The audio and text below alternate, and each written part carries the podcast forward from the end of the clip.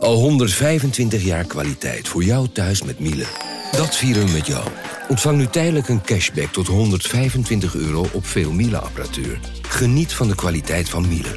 Voor perfect verzorgd wasgoed en kleding die veel langer mooi blijft. Voor een stralend schone vaat, even perfect als jouw diners. En een stofvrij thuis waarin echt hygiënisch schoon de standaard is. Check miele.nl voor alle feestelijke aanbiedingen.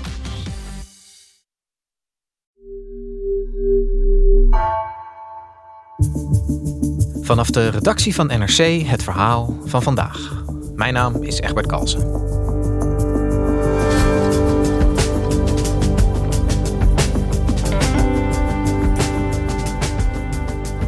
Morgenavond is de finale van het Eurovisie Songfestival. En dit jaar heeft één land de grootste kans om te winnen. Oekraïne, met een lied dat toch wel heel politiek geïnterpreteerd kan worden. Het Songfestival is formeel juist een apolitiek evenement. Maar mediaredacteur Wilfred Takke ziet dat landen vaak toch een boodschap naar voren weten te brengen. Hoe doen ze dat?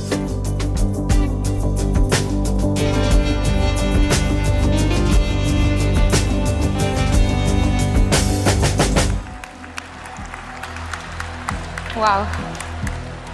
There are 10 remaining countries. The eighth finalist. Oekraïne is nog zeker. Ukraine! Ja. Ja, het is weer zover. eh Songfestivalweek. Stien is door. Ja. S10. Maar het is al eh, volkomen duidelijk wie er gaat winnen. Bij de bookmakers, de wetkantoren, staat Oekraïne mijlenver voor de anderen. Dus het is eigenlijk niet zo spannend. Ik hoef niet eens te kijken, zegt Jenny. Oekraïne wint toch. En luisteraar Stefan, die denkt er net zo over. Hoe moeten die andere zangers zich allemaal voelen? Gewoon, nou, wij staan hier een beetje voor spek en bonen te zingen, want het is zielig voor Oekraïne. Dus ja, de Oekraïne kan eigenlijk gewoon de grootste rotzooi inzenden en ze winnen toch, omdat het zielig is voor dat land. nou, dat is een duidelijke mening. hè? Ja, Wilfred, er is dus een enorme kans dat, eh, dat Oekraïne gaat winnen dit jaar. Eh, niet vanwege het liedje, maar vanwege Oekraïne. Toch heel even over dat liedje. Met welk liedje eh, staan zij op het Songfestival?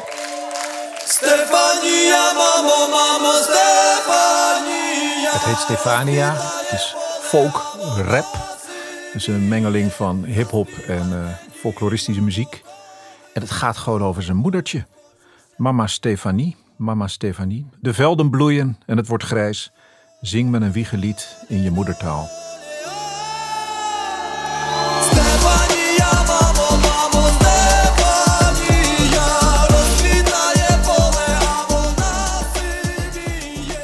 Ja, want het klinkt onschuldig over je moeder zingen op het Songfestival, maar er zit een boodschap achter. Nou, zelfs als die er niet achter zou zitten, dan wordt dat erin gestopt. Dus dan is het moedertje is eh, moeder Oekraïne. De moedertaal is de eigen taal. En het, eh, het is heel populair in Oekraïne. Daar wordt het echt als strijdlied gebruikt. Het wordt ook eh, op TikTok veel gedeeld. TikTok is een deel van het eh, strijdtoneel geworden. En daar wordt het liedje gemonteerd eh, onder oorlogsbeelden. Ja, ik heb hier zo'n eh, zo'n TikTok-filmpje uit, eh, uit Oekraïne. Ik ga hem heel even aanzetten en beschrijven wat we zien. We horen inderdaad Stefania en ondertussen zie je oorlogsgeweld, Ontploffing. ontploffingen. En eh, Kapot ja, huis. het is duidelijk hoe zij dit nummer proberen te linken aan de actualiteit daar. Ja, dit is een heel duidelijk voorbeeld van, ja, ze zoeken het wereldpodium van het Eurovisie Songfestival om hun boodschap over te brengen. En eigenlijk is dat niet de bedoeling. Het festival wil juist heel erg apolitiek zijn. Het gaat wel over de verbroedering van de volkeren, maar dat wordt verder niet ingevuld. Maar eigenlijk staat Oekraïne daar niet alleen in. Het, politiek is nooit ver weg in het festival. Ja, Wilfred, de, de Oekraïnse inzending, we hebben hem net gehoord. Jij volgt het Songfestival al jaren voor de krant.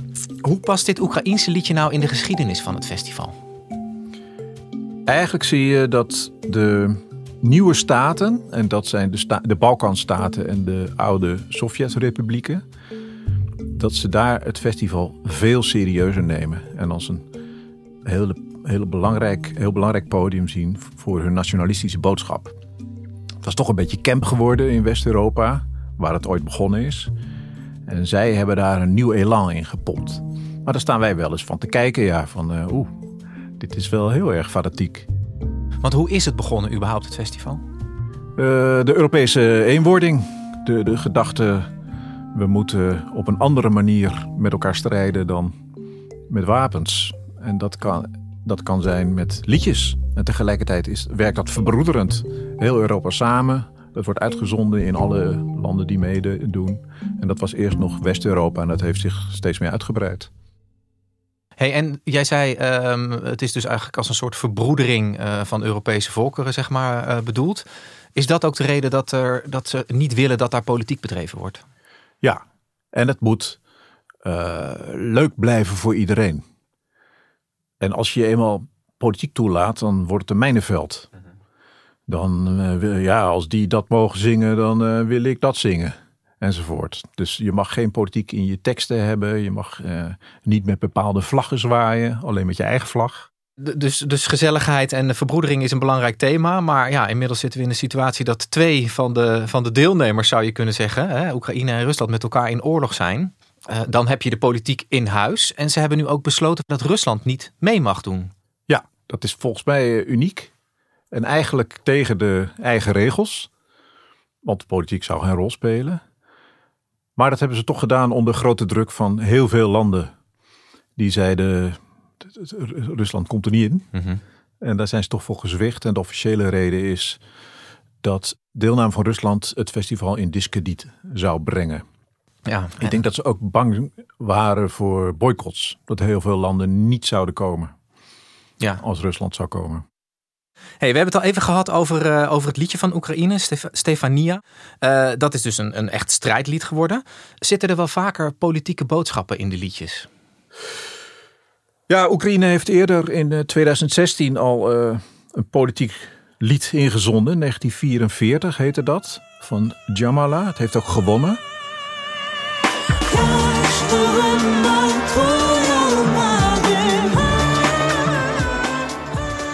En dat ging over de deportatie van de Krim-Tartaren door Sovjetleider Stalin in 1944. Lang geleden, maar de Russen hadden net de Krim weer ingenomen. Dus het werd gezien als protest tegen de Russen. De Russen hebben geprotesteerd ook. Van, uh, dat is politiek, dat mag niet.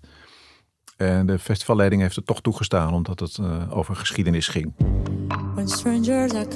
Ja, het staat ook teksten in uh, als vreemdelingen naar ons huis komen. Ze zullen ons allemaal vermoorden en zeggen wij zijn onschuldig, wij zijn onschuldig.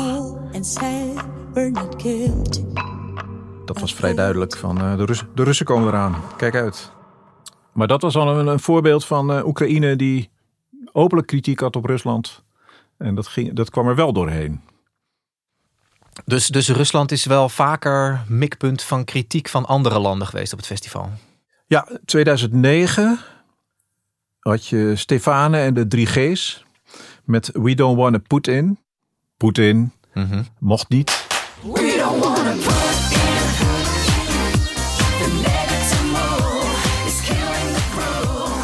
Uh, dat wilden ze gaan opvoeren in Moskou.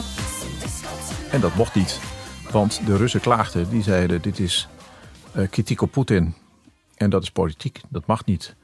Het verwees eigenlijk naar Poetin die in Georgië twee deelrepublieken te hulp was geschoten. Eigenlijk hetzelfde als in Oekraïne, Zuid-Ossetië en uh, Abhazie.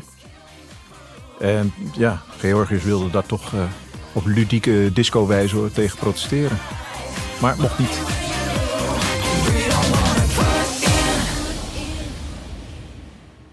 Verder heb je een keer gehad Fjerka Sertjutska. Ik hoop dat ik het goed uitspreek, in 2007. Die had een tekst Lasha Tumbai. En daar, daarin hoorden de Russen Russia Goodbye.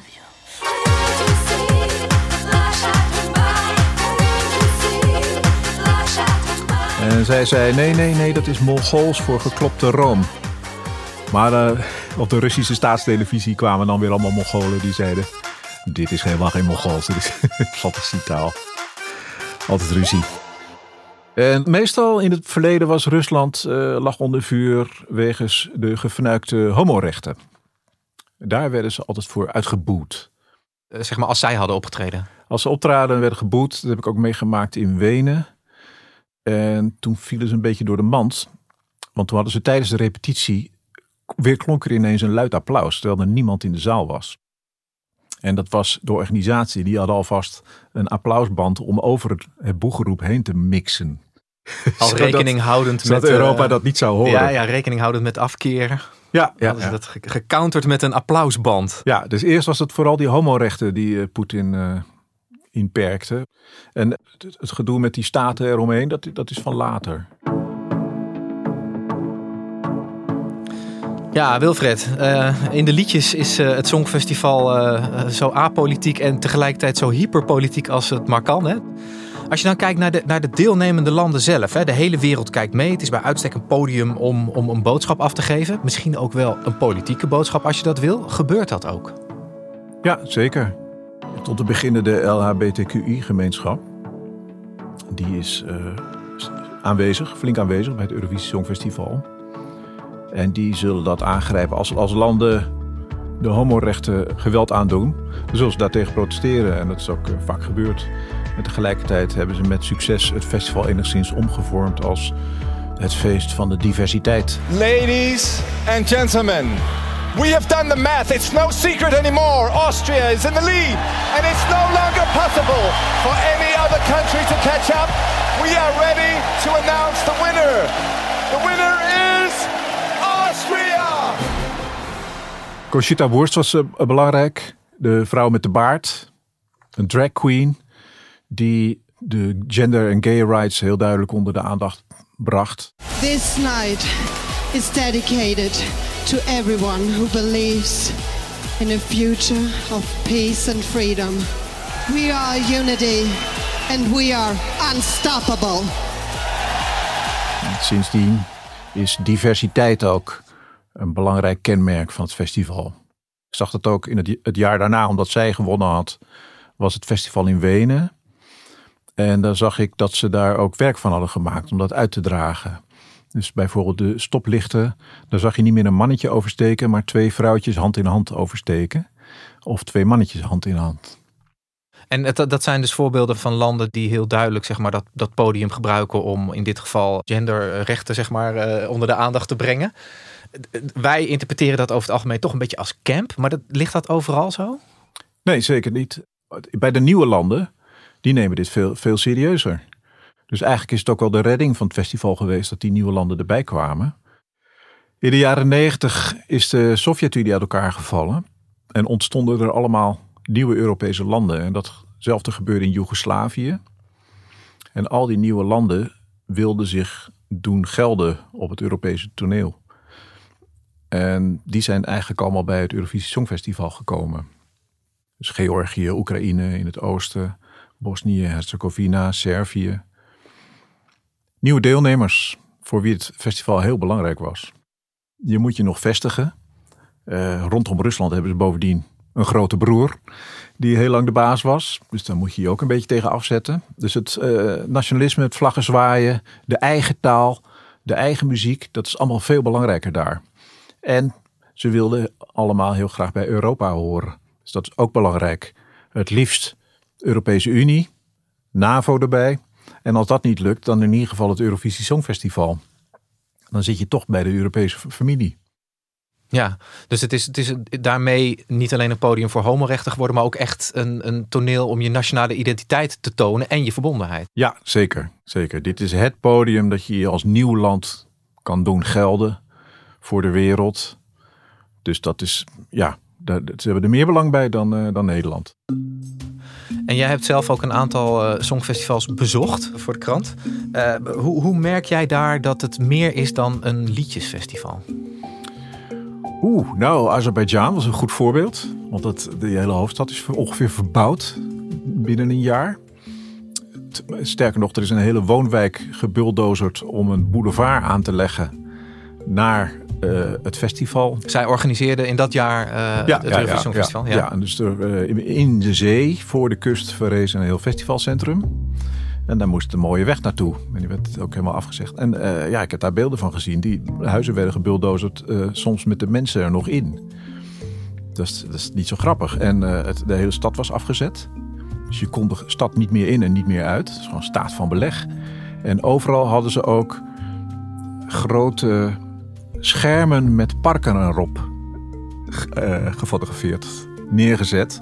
Om de bouwvallen uh, aan het oog te onttrekken.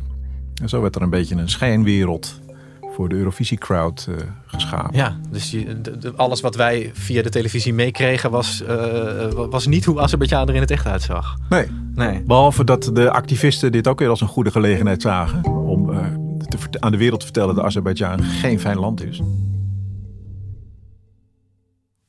En Azerbeidzjan is uh, ook niet echt een land wat nou heel erg voorop loopt als het over homo-emancipatie gaat. Hoe, hoe gaat zo'n land daar dan mee om? Je krijgt een, een, tijdelijke dooi. Dat zag je ook in Moskou. Dus ineens gaan er allemaal gay-clubs open. En uh, wordt anti-homo-retoriek een beetje gedownplayed. Dus je krijgt drie vrije weken eigenlijk. ik was wel bezorgd over wat gebeurt er daarna als de camera's weg zijn. Dat heb ik ook tegen activisten gezegd die ik sprak van ja, ik ben straks weg. En eerlijk gezegd, ook mijn krant is niet heel erg geïnteresseerd in Azerbeidzjan. Dus dan is de aandacht weg en, uh, en ja, jullie krijgen het dan uh, extra hard te voortduren. Nou, dat vonden ze toch belangrijker om hun boodschap aan de wereld te vertellen dan ja, dat ze risico liepen op uh, gevangenisstraf enzovoort. Ja, en weet jij of de, of de EBU, de organiserende organisatie van het Songfestival, daar ook nog iets van, van nazorg dan heeft? Voelen zij zich verantwoordelijk voor wat er dan gebeurt als zij weer vertrokken zijn? Ik heb toen ook met de EBU gesproken en die uh, zeiden dat ze helemaal niets met politiek te maken hadden en zich ook niet met de politiek van het land bemoeiden. Dus eigenlijk uh, zoals de UEFA zich altijd opstelt. Ja, ja, ja. Dus in die zin heeft zeg maar, dat apolitieke karakter van het festival misschien ook wel iets comfortabels voor, voor de organisatie. Zeker. Maar ook daarin zie je dat je nooit apolitiek kan zijn. Want je aanwezigheid daar is een legitimatie van het regime. En niets zeggen is ook iets zeggen. Ja, en jij zei helemaal aan het begin van de uitzending al: Oekraïne is nu uh, de gedoodverfde kandidaat om het festival te winnen. Dat betekent dan automatisch ook dat zij volgend jaar het festival mogen of moeten organiseren. Is daar al over nagedacht hoe ze dat gaan doen, of ze dat gaan doen? Ik geloof niet. Volgend jaar in Kiev. Ik denk dat dat niet gaat. Vermoedelijk zal dan een van de andere landen inspringen. De, de sympathie voor Oekraïne is nu heel groot. Zeker bij de buurlanden zoals Polen. Dus het zou heel goed kunnen dat Polen zijn vinger opsteekt en zegt: Wij doen het wel voor jullie. Kom maar naar ons. Dat is eerder ook wel gebeurd. Dus als je het niet zelf kan organiseren, dan kan iemand anders zich opwerpen. Ja, en dan, dan zou Polen zeg maar de deur openzetten voor een Oekraïens songfestival. Ja. ja. Hey, en, en de laatste vraag, misschien ook nog wel een uh, lastig te beantwoorden vraag. Uh, de Russen, gaan die uh, er volgend jaar weer bij zijn? Ik denk van niet. Ik denk dat de situatie nog niet veranderd zal zijn. Maar ik hoop van wel. Want ik geloof eigenlijk wel in die vrije ruimte die het Eurovisie Songfestival zou moeten zijn. Waar landen elkaar ontmoeten die elkaar niet kunnen luchten of zien. Dus dat Rusland wel mee zou kunnen doen. En ja, heel veel Russen hebben niets met die oorlog te maken of zijn niet per se pro-Poetin. Dus die worden nu eigenlijk ook afgestraft voor iets wat de de staat heeft besloten. Dat vind ik eigenlijk niet eerlijk. En daarmee zou het festival ook iets van zijn apolitieke karakter misschien weer kunnen terugwinnen. door over deze verschillen op landenniveau heen te stappen. Ja, dat hoop ik wel. Dankjewel, Wilfred. Graag gedaan. Je luisterde naar vandaag, een podcast van NRC. Eén verhaal, elke dag. Deze aflevering werd gemaakt door Dirk Hooyer, Wijken van Koolwijk en Jeppe van Kesteren. Dit was vandaag, maandag weer.